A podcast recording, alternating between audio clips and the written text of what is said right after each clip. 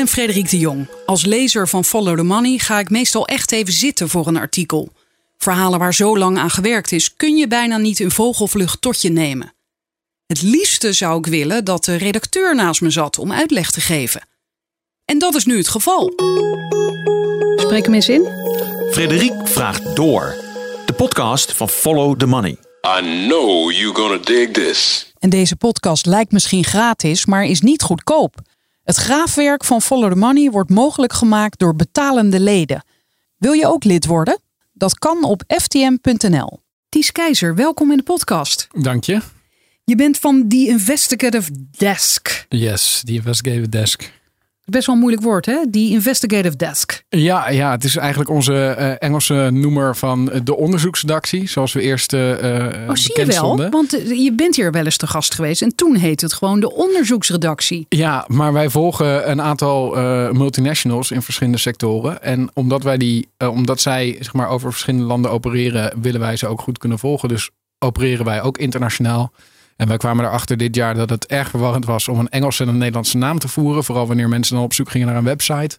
Dus toen hebben we besloten van nou, wij, wij varen dan vanaf nu gewoon qua naam onder Engelse vlag. Oké, nog één keer probeer ik het. The Investigative Desk. Yes. Dit keer heb je een stuk geschreven over mensen die een strenger rookbeleid willen tegenhouden. Het heeft als titel VVD en tabakssector remmen rookbeleid. Wat is er aan de hand? Er is in 2018 door het huidige kabinet en dan specifiek door staatssecretaris Blokhuis, die heeft leiding gegeven aan het eh, Nationaal Preventieakkoord.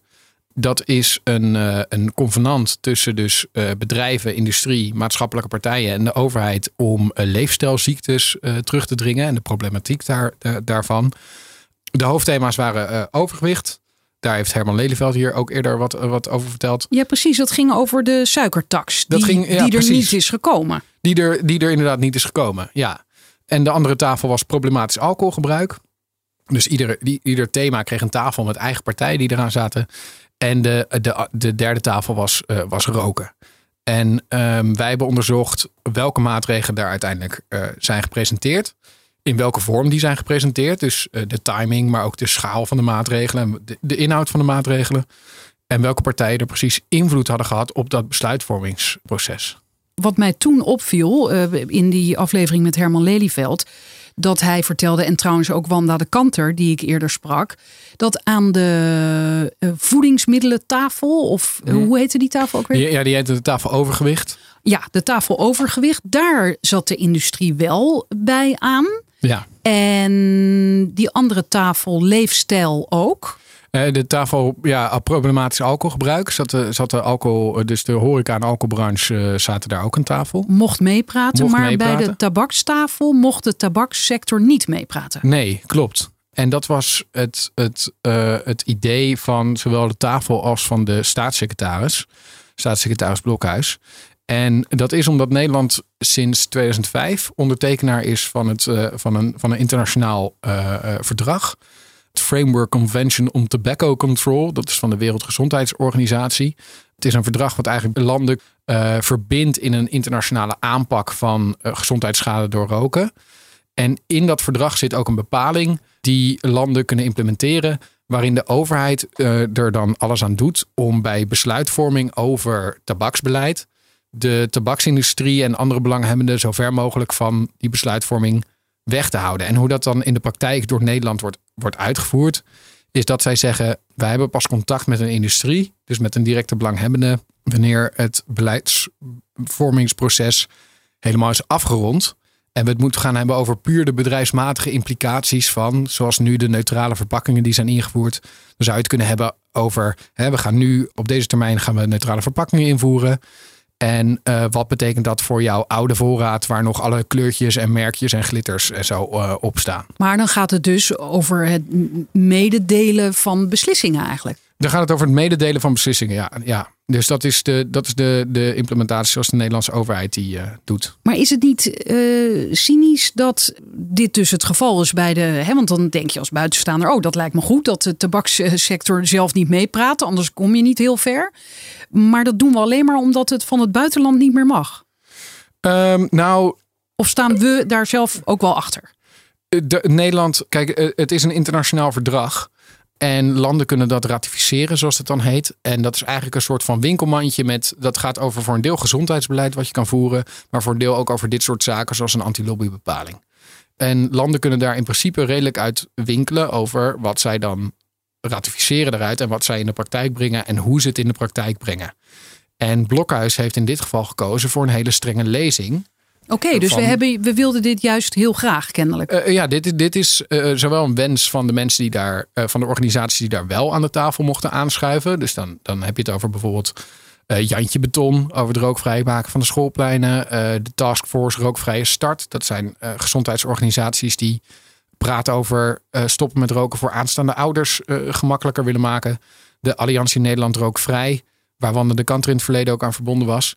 Die hebben toen ook met staatssecretaris Blokhuis gezegd: we hebben zo'n verdrag en eh, laten we daarvoor zorgen dat, dat dat ook in effect komt. Dus dat dan de industrie niet aan tafel deelneemt aan deze gesprekken.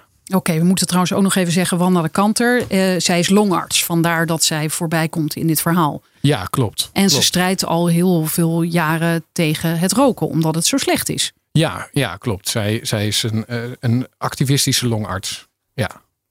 Oké, en jij bent gaan onderzoeken hoe dat nou werkte aan die preventietafel die ging over het roken.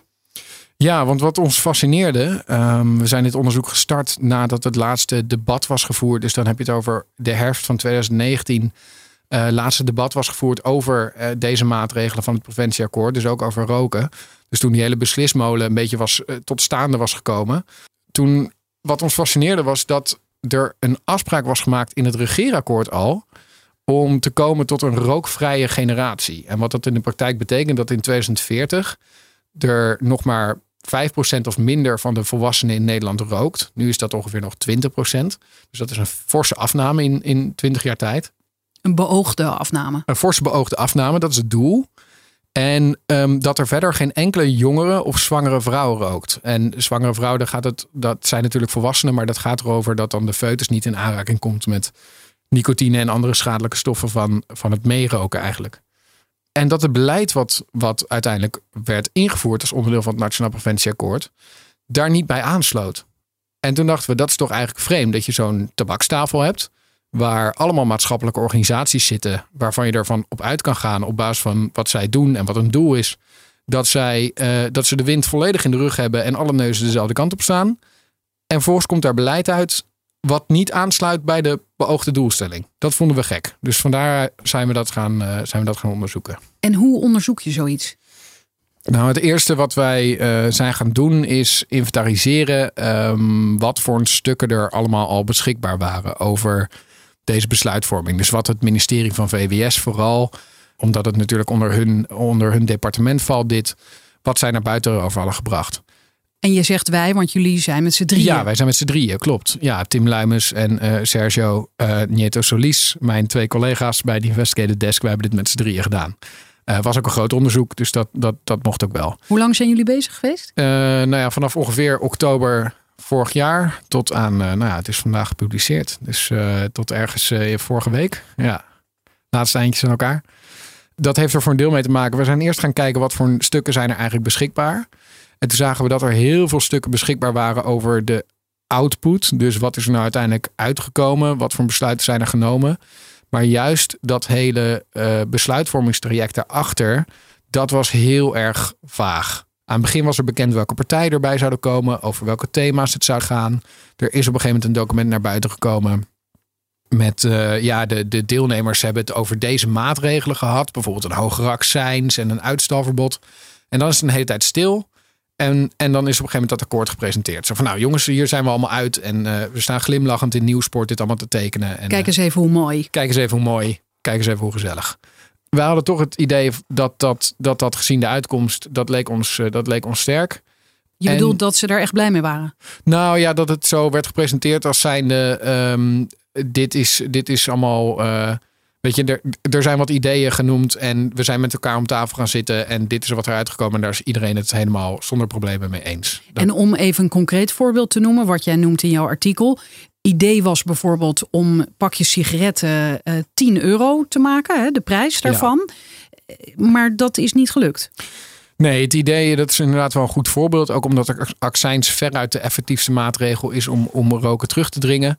Uh, van alles wat je kan doen, is, is gewoon de prijs verhogen van een product. Het middel om mensen daarvan minder te laten kopen. Het idee was eerst om dat tot aan 2023, dus vanaf, hè, vanaf dat het akkoord genomen was, dan ieder jaar een stapje erbij. Eh, tot aan 2023 op te laten lopen naar uh, 10 euro. Minimaal 10 euro was, de, was het eerste plan in, het, in de eerste conceptversie. En, en wat kost het nu eigenlijk? Waar... Het is nu dit jaar naar 8 euro gegaan. Oké. Okay. Um, en om dat te laten oplopen naar minimaal 10 euro. En dat is nu uiteindelijk naar 8 euro gegaan. En wat er nu aan voorwaarden aan is verbonden, is dat er nu eerst onderzoek moet worden gedaan. Er moet weer opnieuw onderzoek naar worden gedaan van ja, wat zijn nou eigenlijk precies de effecten van zo'n accijnsverhoging? Nee. Wat, wat, zijn de gezondheidseffecten? Wacht wat even, zijn de... wat zijn de gezondheidseffecten van een accijnsverhoging? Nou ja, eh, en, en dan vooral, wat zijn de grenseffecten? Dat, dat is, er is vooral een grenseffectenvoorwaarde aan, aan verbonden. Grenseffecten, dat houdt in dat ze bij beleid wat uh, raakt aan prijs van een product gaan kijken of mensen die in de grensgebieden wonen, dus de grens met Duitsland, de oh, grens letterlijk met België. de grensgebieden. Ja, oh. letterlijk de grensgebieden. Of die dan naar het buitenland gaan om hun peuken te kopen. Ja, en of dat dus de ondernemingen aan de grens raakt. Oh. Dus als je bijvoorbeeld een supermarkt hebt op de grens met België. En in België zijn de sigaretten veel goedkoper. Ik dacht heel even dat het ging over psychische grenzen. Hoeveel verhoging kunnen mensen aan of zo? Nee, nee, nee. Dit gaat letterlijk over de landsgrenzen. Oké. Ja. En dat, wordt dan, moet onderzocht worden. Dat moet onderzocht worden. En het vreemde daaraan is dat wij niet helemaal kunnen, hebben kunnen achterhalen wat er precies. Er zijn geen duidelijke consequenties verbonden. Want je hebt aan de ene kant het volksgezondheidsbelang. Aan de andere kant eh, zal er altijd een effect zijn dat wanneer er iemand op de grens van Duitsland woont en, en je kan 10 kilometer naar links, 10 kilometer naar rechts en, en rechts zijn de sigaretten goedkoper, dat je ze daar zou kunnen gaan halen. Um, maar wat voor effecten, hoe grote effecten moeten zijn om zeg maar verdere accijnsverhoging toe te staan, of juist om dat niet te gaan doen, dat wordt helemaal niet gespecificeerd. Dus het ruikt een beetje naar wat je wel vaker ziet in de politiek dat wanneer er een heet hangijzer is en een moeilijk besluit, dat er wordt besloten van nou, we gaan maar weer een onderzoekje doen. Want dan, uh, dan is het in ieder geval niet aan ons om de beslissing vervolgens door te drijven. Te meer omdat het ministerie van Financiën, bij wie de accijns, uh, die, die meepraat over accijns, heel vroeg in het besluitvormingsproces van het Nationaal Preventieakkoord, toen zij al die maatregelen die raakten aan prijs op, op een rijtje hadden gezet, de grenseffecten hadden meeberekend. Die refereerden al aan een eerder onderzoek. Oh. En die zeiden al, ja, de, de grenseffecten, dit is, dit is met, in rekenschap met de grenseffecten. Dus waarom dat nieuwe onderzoek er als voorwaarde aan werd verbonden, dat verbaasde ons. Dat soort dingen verbaasden ons. En dat was de aanleiding om een onderzoek te starten, ja. Ja, en toen gingen jullie, zoals je zei, eerst kijken naar wat er gepubliceerd was, gewoon openbaar. En daarna dachten jullie, en nu is het tijd om wat verder te graven. Ja, klopt. En toen hadden we twee bronnen. Ten eerste de wet openbaarheid van bestuur. En wij zijn een WOP-proces uh, gestart bij drie ministeries. Financiën, omdat we wisten dat daar uh, dat raakt aan de accijns.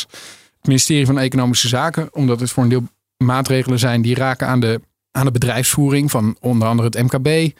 En natuurlijk het ministerie van VWS. Dus daar hebben we een drieledig WOP-verzoek naartoe gestuurd over alle stukken en ingezonden brieven van belangen, belanghebbenden rondom het preventieakkoord. En dan hebben ze in eerste instantie, meen ik, een termijn om binnen zes weken te reageren?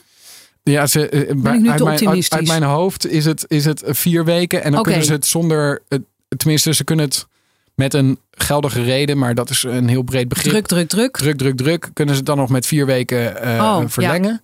En daarna kan je uh, als, als indiener kan je ze dan in gebreken gaan stellen vanwege weet je, het overschrijden van de termijnen. En kwam het zover? Het kwam helaas zover. Ja, ja.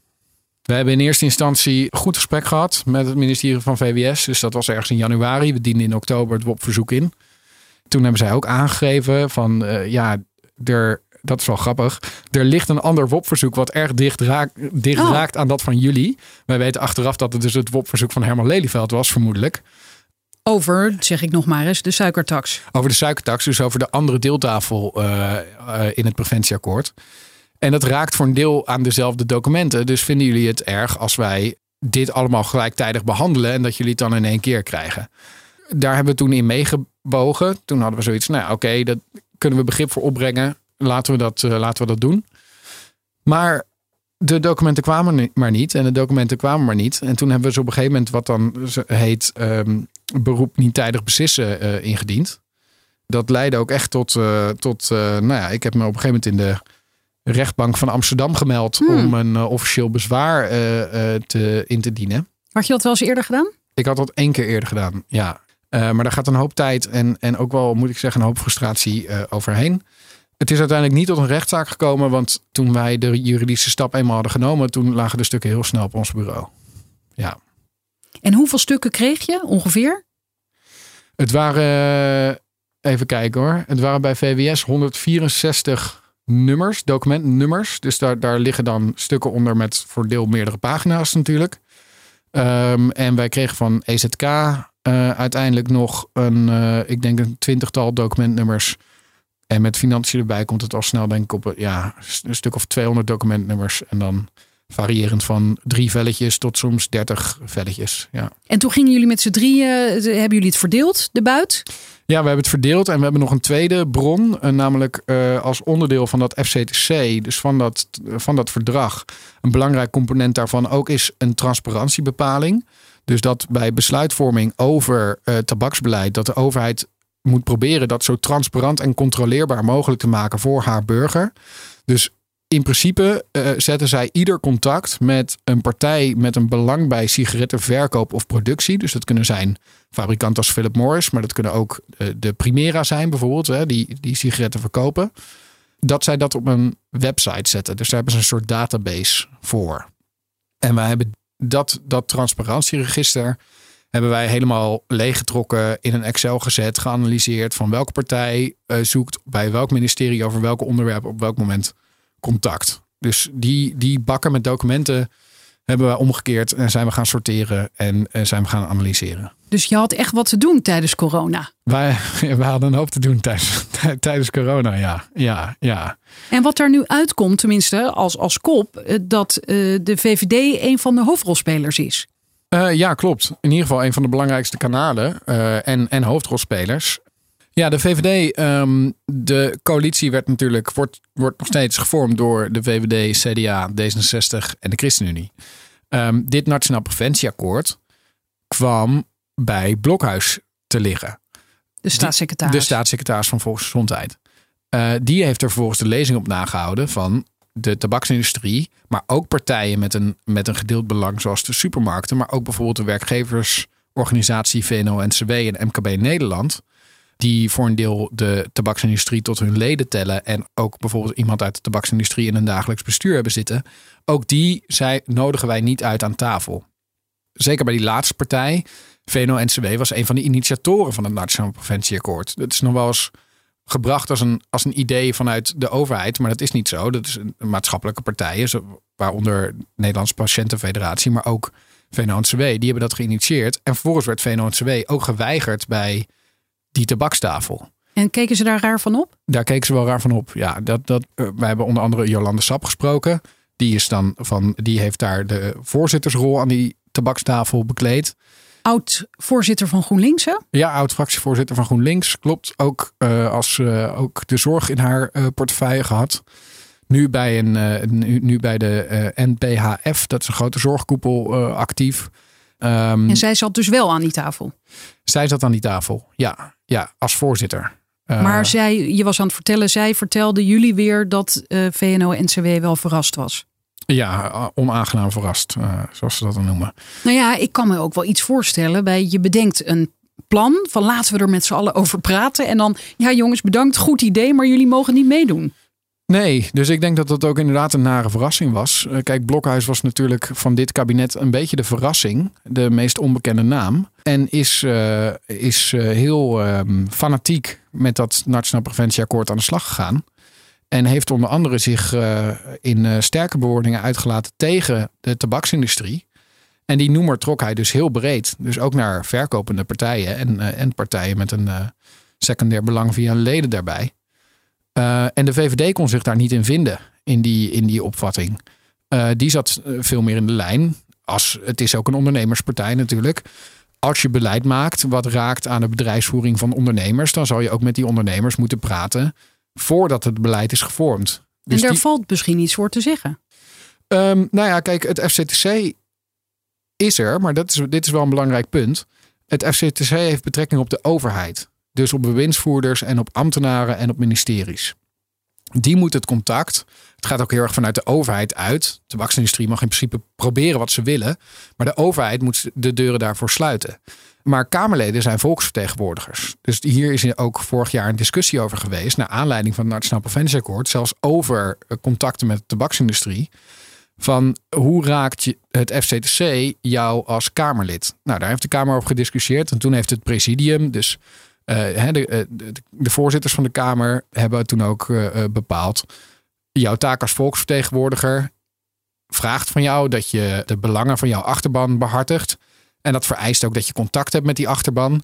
Dus je bent vrij als volksvertegenwoordiger om jouw uh, informatie in te winnen bij, bij wie jij wil.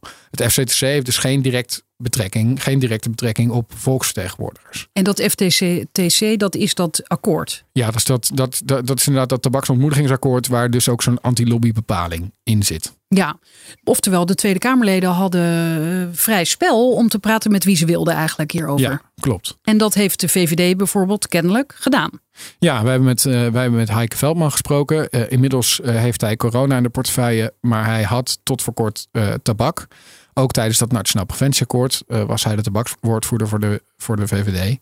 En die heeft aangegeven, ik heb mij breed laten informeren. Die heeft ook met Wander de gesproken.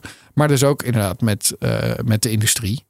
En met de sigarettenverkopende partijen. Maar goed, dat deed hij. Maar toen kon hij aan die tafel dit niet delen, want daar zat hij niet aan. Dus hoe is dan die informatie, want jij beschrijft het, het, hele lobbyproces eigenlijk. Hoe, hoe ging dat dan?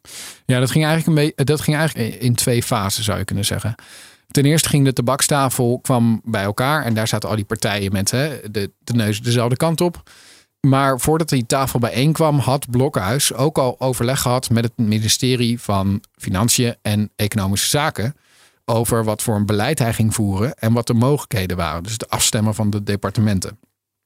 Dus waar de tabakstafel allemaal voorbeelden ging noemen van beleid. Van we zouden dit kunnen doen en we zouden dat kunnen doen. Kregen ze heel vaak terug, dat is politiek niet haalbaar. Dat was een beetje het, het, het codewoord aan tafel. Want dat had hij alvast afgetast. Hij had al gewoon verkend, inderdaad, bij het ministerie van Financiën bijvoorbeeld, van nou laten we het eens gaan hebben over accijns. Wat is daar mogelijk? En vandaar dus ook dat Financiën met zo'n berekening was gekomen waarin die grenseffecten al waren doorberekend. Dus de tabakstafel is uiteindelijk wel tot beleid gekomen heeft daar bijvoorbeeld in eerste instantie gewezen op Australië, waar een pakje tegenwoordig 26 euro kost, hmm. volgens mij omgerekend. En ook 14% van de volwassenen inmiddels uh, rookt. Dus dat is aan het dalen. Eh, in Nederland is het dus 20%. Dus het, het beleid dat, dat werkt. Maar zij wezen daarop en, dan, en dan, dan werd er dus aan tafel gezegd: ja, dit is politiek niet haalbaar. Laten we er, een, laten we er bijvoorbeeld minimaal een tientje van maken. En toen is er volgens aan de tabakstafel, toen ze dat een paar keer hadden gehoord, van wat is politiek haalbaar, wat is niet haalbaar, is er gegaan voor een voorstel wat ten eerste, dat was het belangrijkste natuurlijk, aansloot bij dat doel van een rookvrije generatie. Het moet wel effectief zijn, maar het moet ook, ze willen ook het proberen haalbaar te maken voor Blokhuis, om dat vervolgens langs zijn coalitie en ministerraad te loodsen. Dus dan kom je in de tweede fase. En uh, daar zie je de akkoorden zichzelf, de conceptakkoorden zich heel snel afwisselen. Dan heb je het inmiddels, die tafel kwam voor het eerst bij 1 eind 2017. De eerste echte vergaderingen, of de eerste contacten werden gelegd eind 2017. De eerste echte vergaderingen begonnen in zo'n beetje april. En nu zit je al eind oktober 2018. Dus de deelnemers die stellen samen met het ministerie van VWS een pakket aan maatregelen samen waarvan ze denken dat, dat staatssecretaris Blokhuis dat zonder problemen langs de ministerraad en, en later langs, de, langs het coalitieoverleg uh, kan loodsen. Vervolgens uh, worden er stukken gelekt. Dat is eigenlijk de eerste fase waarin uh, dus brancheorganisaties met een, met een belang bij deze sigarettenverkoop of de sigarettenproductie lucht krijgt van wat er eigenlijk allemaal voor maatregelen worden genomen. En die maatregelen zijn dan nog flink, want die maatregelen moeten afdoende zijn om zo'n rookvrije generatie te bereiken. Dus dat gaat over um, accijnzen naar minimaal een tientje, een volledig uitstalverbod. De termijn die daar wordt voor, voor wordt genoemd ligt eerst zelfs nog even in 2019. Later gaat hij naar 1 januari 2020. En dan gaat het over, mag je sigaretten bij de kassa leggen, ja of nee bijvoorbeeld? Maar ja, sigaretten volledig uit het zicht. Dus dat zie je nu al bij de supermarkt gebeuren.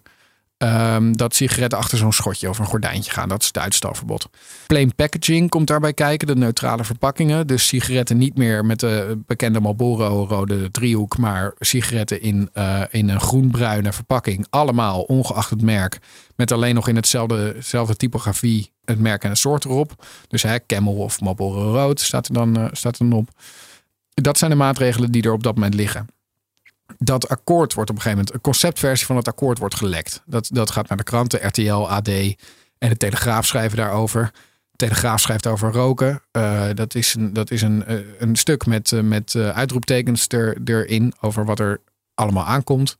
En op dat moment mengen zich al een aantal brancheverenigingen in die discussie over wij, wij zien niks in deze, in deze maatregelen, of in ieder geval een specifieke maatregelen.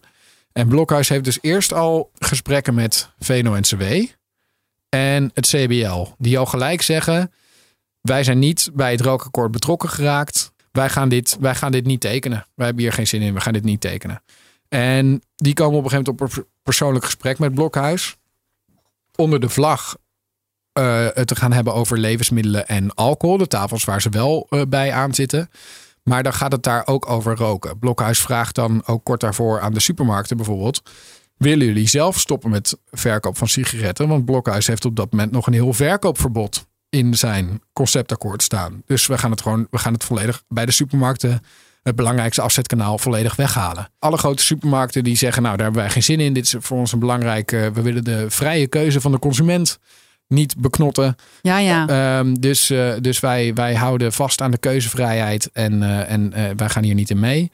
En het CBL stuurt vervolgens een brief waarin zij Blokhuis aangeven: wij zijn sowieso pertinent tegen iedere wettelijke maatregel. En specifiek maatregelen die raken aan prijzen, waaronder accijns.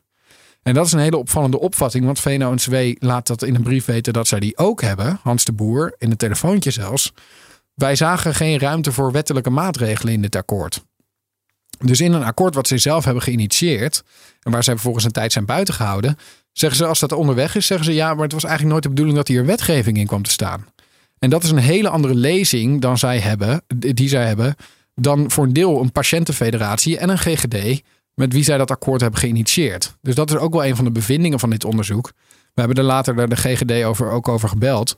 En die zeiden ja, dat was eigenlijk van tevoren al een van. En we hebben maar besloten om dat van tevoren die discussie maar even te parkeren onder het mom van het heeft nog geen zin om het over overheidsbeleid te hebben als de overheid hier nog niet bij aan tafel is, zit. Laten we ze hmm. eerst maar eens enthousiasmeren voor zo'n nationaal preventieakkoord. Hey, en eh, wat is nou de rol van de VVD? Want daar was je, ging je over vertellen, toch? ja, klopt. Uh, de, dat is de, uh, het, op het moment dat Blokhuis zijn akkoord naar het coalitieoverleg en de ministerraad moet gaan brengen. Ik vertelde dit net even omdat al die branches en al die brieven ervoor zorgen dat het akkoord enorm wordt uitgesteld. Ja. Al die branches beginnen ook, ja, we hebben onze achterban helemaal niet kunnen raadplegen en we worden hierdoor overvallen. En Blokhuis besluit dan, het, uh, besluit dan het proces uit te stellen. Dus die zegt, nou, we gaan niet eind september het akkoord brengen, maar we doen dat in november. En dan in de laatste weken, voordat hij dat akkoord naar buiten brengt, gaat hij in overleg met de coalitie en met de ministerraad. En terwijl die overleggen bezig zijn, zie je vanuit de vereniging Sigaretten en Kerftabak, waar alle grote industriële uh, tabaksbedrijven, minus Philip Morris, bij zijn aangesloten. Je ziet vanuit VNO-NCW, zie je echt een brievenbombardement op de ministeries, op de Kamerleden. En dus ook contact met onder andere de VVD. Waarin ze zeggen, ja, dit akkoord, dit gaat de verkeerde kant op. En wij zien onze eigen belangen hier niet in behartigd. En wij zien graag dat het op deze en deze en deze punten wordt aangepast. Die correspondentie, daar kregen jullie inzage in dankzij die WOP. Ja, dankzij de WOP, dankzij dat transparantieregister en dankzij vertrouwelijke stukken die we uiteindelijk uh, in, in handen kregen. En die konden we aan elkaar combineren. En daarin kan je dus zeg maar heel duidelijk zien VNO-NCW stuurt voor een deel zelfs brieven waarin zij de, de wettekst, of in ieder geval de, de tekst zoals die in het Nationaal Preventieakkoord staat, dat is nog niet de wettekst, maar de tekst zoals die in het Nationaal Preventieakkoord staat, voor een deel tot op de letter kan voorschrijven. Dus die hebben ten eerste heel goed zicht op een akkoord waar zij eigenlijk, of van een deeltafel waar zij geen deel aan nemen, dus in een vertrouwelijk akkoord. En ten tweede zulke directe lijntjes dat ze die tekst kunnen laten aanpassen. Dat is toch wel opvallend voor een partij die twee maanden daarvoor al heeft gezegd: ja, we gaan dit akkoord niet tekenen, want we zijn het er niet mee eens. Dus Aan de ene kant willen ze niet tekenen. Aan de andere kant kijken ze wel over de schouder van de ambtenaren mee. En zeggen ze, ja, hier staat een komma verkeerd en daar staat uh, de tekst verkeerd. En vervolgens zie je dat de VVD in het coalitieoverleg vol op de rem trapt. Blokhuis komt daar zijn conceptakkoord aanbieden. En daar staat op dat moment nog in uh, accijns gaan naar een tientje, een volledig uitstalverbod, neutrale verpakkingen voor alle tabaksproducten. En de VVD zegt nee, dat, dat, dat gaan wij niet doen. En daar komt een compromis uit, waarin dus de accijns naar 8 euro gaan. Dan komt eerst een grenseffectenonderzoek. De, het uitstalverbod wordt uitgesteld. En bovendien worden tabakspeciaalzaken en gemakswinkels er volledig van uitgezonderd. Gemakswinkels zijn bijvoorbeeld uh, winkels als Primera. En dan gaat het over gemakswinkels die al bestaan en een hele hoge tabaksomzet hebben. Die worden uitgezonderd van het, van het uitstalverbod. En uh, neutrale verpakkingen gaan alleen in voor sigaretten, ook vertraagd. Die moeten nog ingaan. En e-sigaretten die uh, gaan minimaal twee jaar later pas uh, worden die onderworpen aan neutrale verpakkingen. En hoe reageerden de andere partijen uit de coalitie daar eigenlijk op? Um, nou ja, die, dat, kijk, dat is wel uh, een, een, een. Uiteindelijk zijn er vier partijen die, dit, die natuurlijk tot dit compromis zijn gekomen. Het lastige eraan is, is dat je via de WOP-stukken heel slecht zicht krijgt in zo'n coalitieonderhandeling. Dus wij hebben iedereen gebeld. En het CDA zei bijvoorbeeld, ja, dat grenseffectenonderzoek, daar hebben wij ook voor gepleit. En uh, de VVD, uh, die, dat was duidelijk, dat, dat zeiden ook alle tafeldeelnemers. De VVD was de grootste tegenstander van het uitsluiten van de industrie en ook het beleid zoals, zoals het nu op tafel uh, kwam. En dat geven ze zelf ook toe? En dat gaven ze zelf ook toe. Ja, we hebben daar ook uh, Heike Veldman over, over gesproken. En die geeft dat ook gewoon per maatregel, gaf die aan waar die zich, waar die zich sterk voor had gemaakt. Hè, maar dat is wel grappig toch? Dat jullie dat helemaal moeten opgraven, want het is niet transparant. En dan, dan confronteer je iemand ermee die zegt, ja dat klopt, dat doe ik.